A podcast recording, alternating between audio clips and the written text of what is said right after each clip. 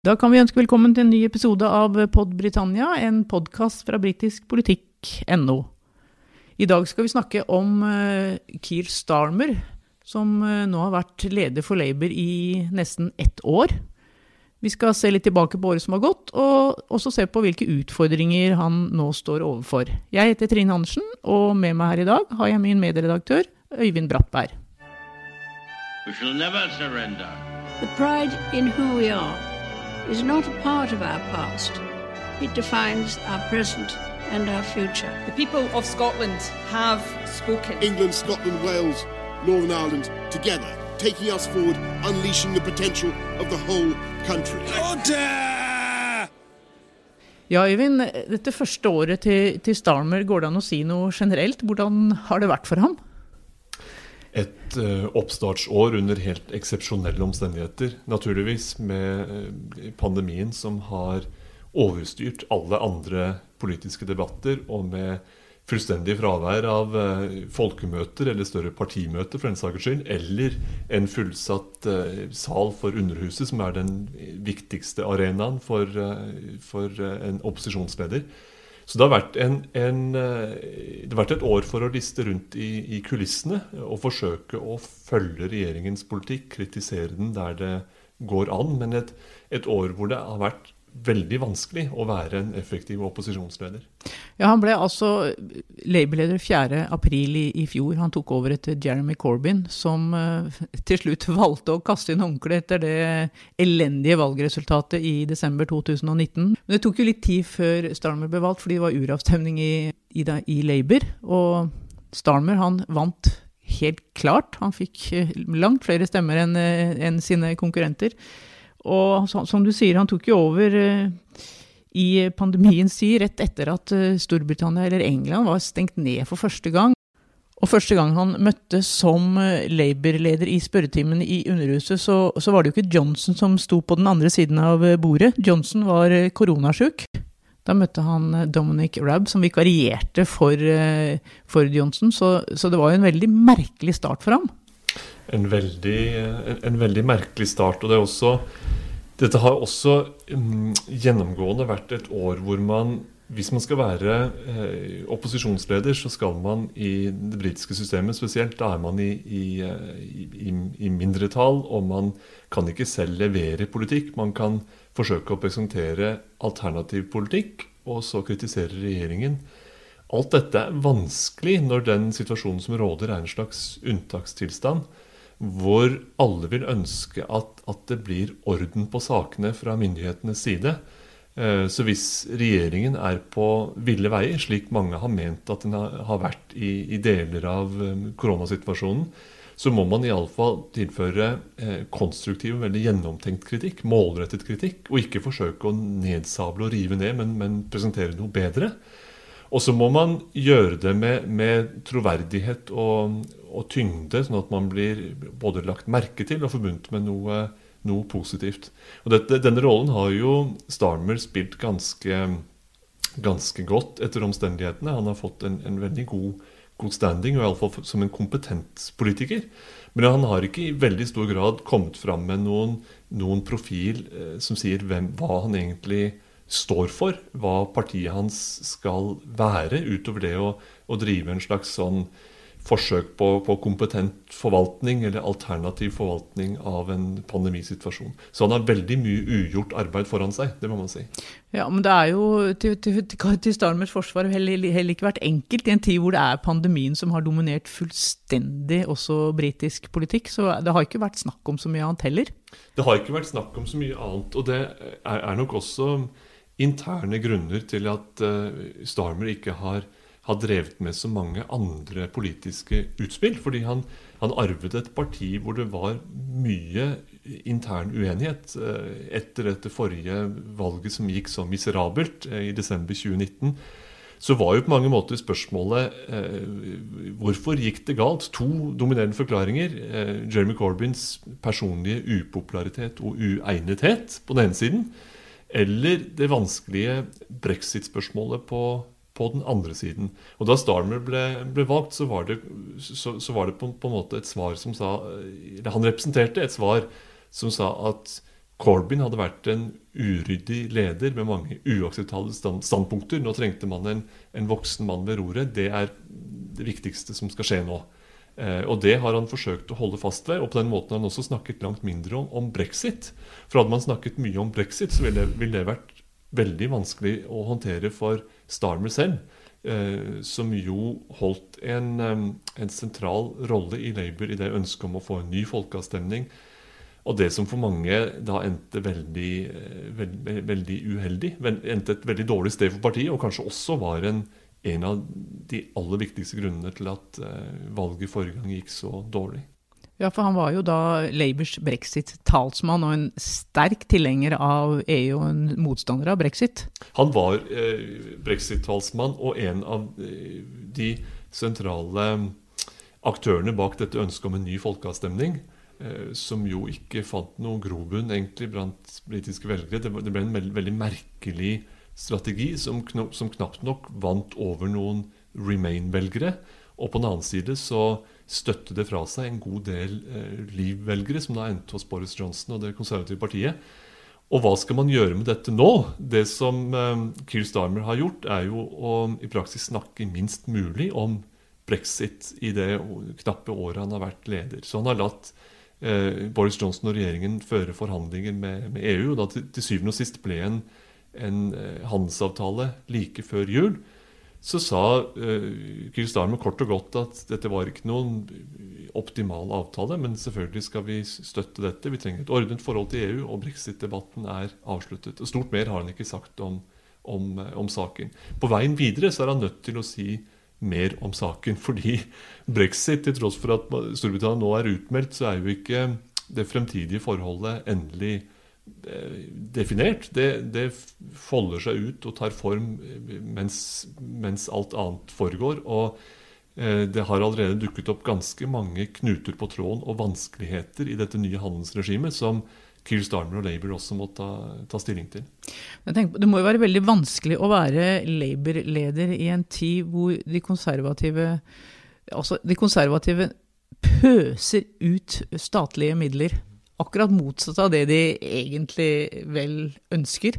De har jo på en måte stjålet Labours politikk eh, sånn sett. Hva, altså, Labour kan ikke gå inn og si at nå må vi, vi, må, vi må pøse inn enda mer statlige midler.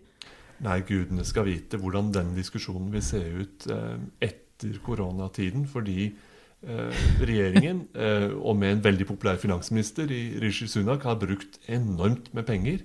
Og det handler jo om en offentlig sektor og, og, og offentlige midler i økonomien som har sprengt alle rammer. Hvordan skal man tenke høyre og venstre i politikken etter dette? Eh, og hva slags diskusjon skal man egentlig ha? Der er det mange som venter i spenning. Ja, dette blir spennende, virkelig spennende å følge framover. Men vi skal kanskje også nevne litt her at, eh, at Starmer tross alt har klart å få eh, hevet Labour voldsomt på meningsmålingene. da. I, i høst så, så, passerte de vel, så vidt jeg husker, de konservative på meningsmålingene. Nå ligger de kanskje 2-3 prosentpoeng under på, på The Polls of Poll for, for januar, ser jeg. Men han, han, har jo, han har jo virkelig klart det. Han fikk et, eh, et, veldig løft i løpet av sommeren 2020, eh, hvor det var mange som åpenbart fikk øynene opp for hans lederskap og en veldig kompetent og stilsikker opptreden i, i, disse diskusjonene om koronatiltak. Og han syntes å være langt mer opplest og opplyst enn statsministeren selv. Og det, det bidro nok til et, et løft, foruten at han han, hadde, han oppnevnte eh, tilsynelatende gode folk omkring seg og, og, avsluttet en del av de der eh, fløystridene og, og, en del av de flokene som, som, og kranglingen som preget en del av, av Corbyns tid der. Men så er det spørsmål hvor hvor solid det, denne støtten blant velgerne egentlig er. Vi ser det jo nå, eh, nå som eh, vaksineprogrammet er i ferd med å, å skyte fart, og regjeringen tilsynelatende har litt bedre grep om, om, smittesituasjonen, så ser man allerede at den støtten til Starmer og, og, Labour, altså velgernes tillit til opposisjonen, kanskje ikke stikker så dypt når det kommer til stykket. Kanskje handler det mest av alt om å få regjeringen tilbake på fotet, så kan den igjen skyte fart og ha, ha fordelene på, på, sin side. Så det er nok mye arbeid som, som Starmer og Labour må gjøre også med velgerne, for å demonstrere at de faktisk har noe bedre å by på enn regjeringen selv. Du, nå er det jo veldig lenge til neste, i hvert fall planlagt eh, parlamentsvalg. Det er ikke før i 2024. Men det er jo et lokalvalg i mai. Det ser faktisk ut som det skal gå som planlagt. Og det skal også velges en del eh, borgermestere eller ordførere rundt omkring. Hva slags eh, betydning vil det ha for Starmers omdømme, hvordan Labour gjør det i de lokalvalgene? Det er jo et kjempeviktig valg. Det er jo et gedigent oppsamlingsheat. Etter at fjorårets eh, lokalvalg ble, ble, avlyst, så er det jo eh, mange lokalpolitikere som skal velges, foruten at eh, både Skottland og Wales holder sine eh, regionale valg.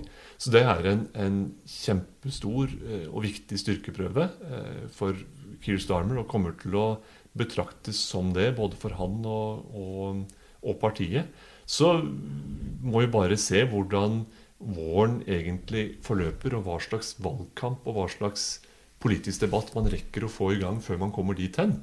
Eh, for her vi nå sitter i, i februar, så har det knapt vært noe realpolitisk debatt eller noe vanlig politisk debatt å snakke om i Storbritannia på veldig lang tid.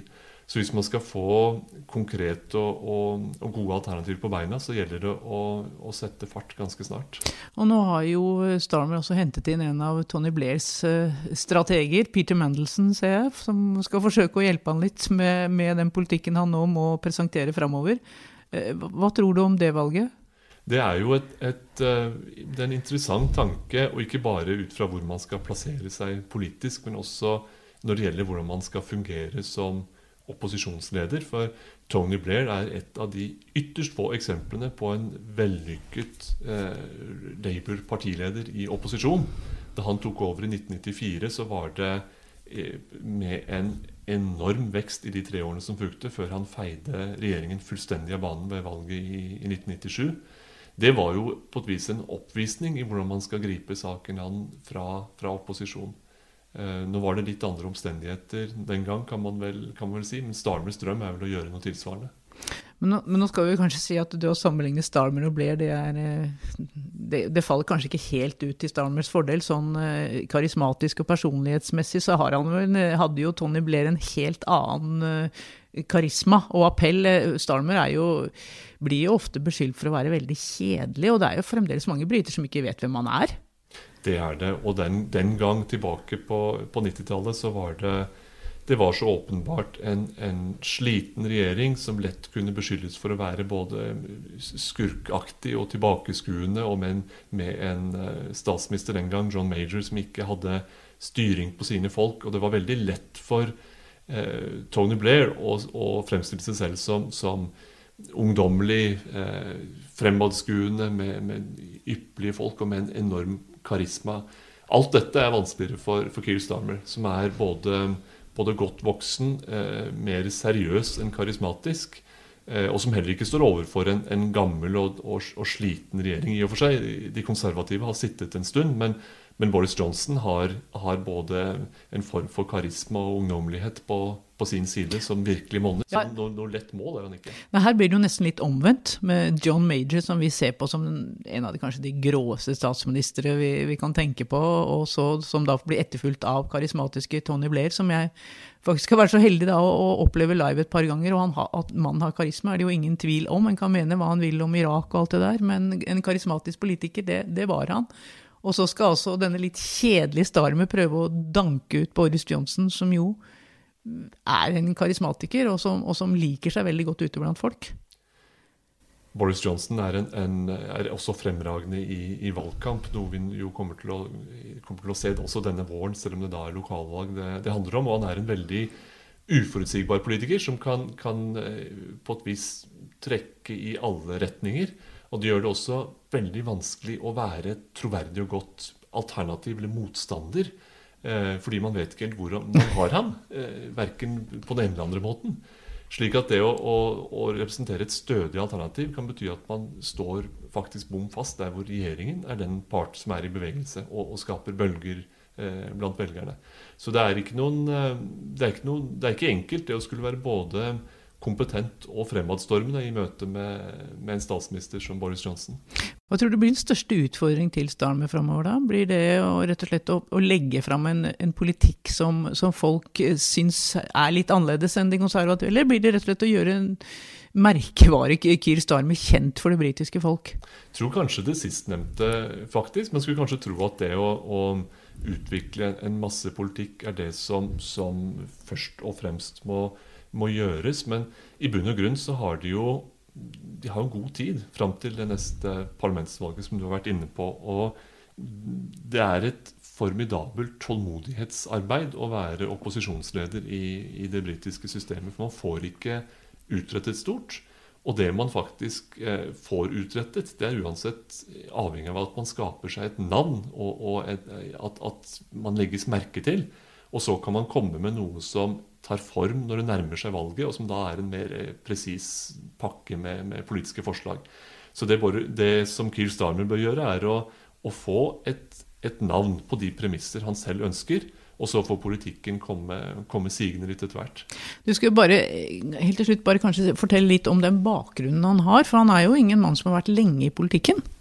Han er jo en, eh, han er først og fremst uh, jurist med, med menneskerettigheter som, som, spesialfelt, og med en, uh, en, en, en viktig rolle i påtalemyndigheten og i statsadvokatembetet. Han, han, han er jo også slått til ridder på det grunnlag av, eh, av, av, dronningen og kan kalle seg sir Keir Starmer. Og har en ganske utypisk, eh, litt akademisk, men også litt sånn sivilsamfunnsbasert eh, vei inn i, inn i partiet. Og er på ingen måte noen broiler. Han er godt voksen og med lang fartstid utenfor politikken. Og vi har jo ennå ikke sett ham på et folkemøte, da, så vi vet jo ikke egentlig hvordan han, eh, hvordan han, vil oppføre seg, eller hvordan han vil virke der. Jo, han har jo tross alt bare måttet sitte hjemme og holdt taler på nett. Og det har nok også forsterket inntrykk av at han er en, sånn, en, en, en seriøs, snakkende eh, person nærmest fra et rettslokale, og ikke noen eh, kioskvelter av en politiker. Hvorvidt han kan bli det, vil vi vite mer om i løpet av det nærmeste året. Ja, Det blir veldig spennende å følge dette her, da. Det blir, det blir, spennende. Så kan vi bare nevne helt til slutt her at uh, på nettstedet vårt, britiskpolitikk.no, så finner du nå en artikkel Øyvind Brattberg har skrevet om Keir Armer og det vanskelige livet i opposisjon. Og scroller du deg litt lenger ned på siden, så finner du også en profil av Keir Starmer. We shall never surrender. The pride in who we are is not a part of our past. It defines our present and our future. The people of Scotland have spoken. England, Scotland, Wales, Northern Ireland, together, taking us forward, unleashing the potential of the whole country. Order!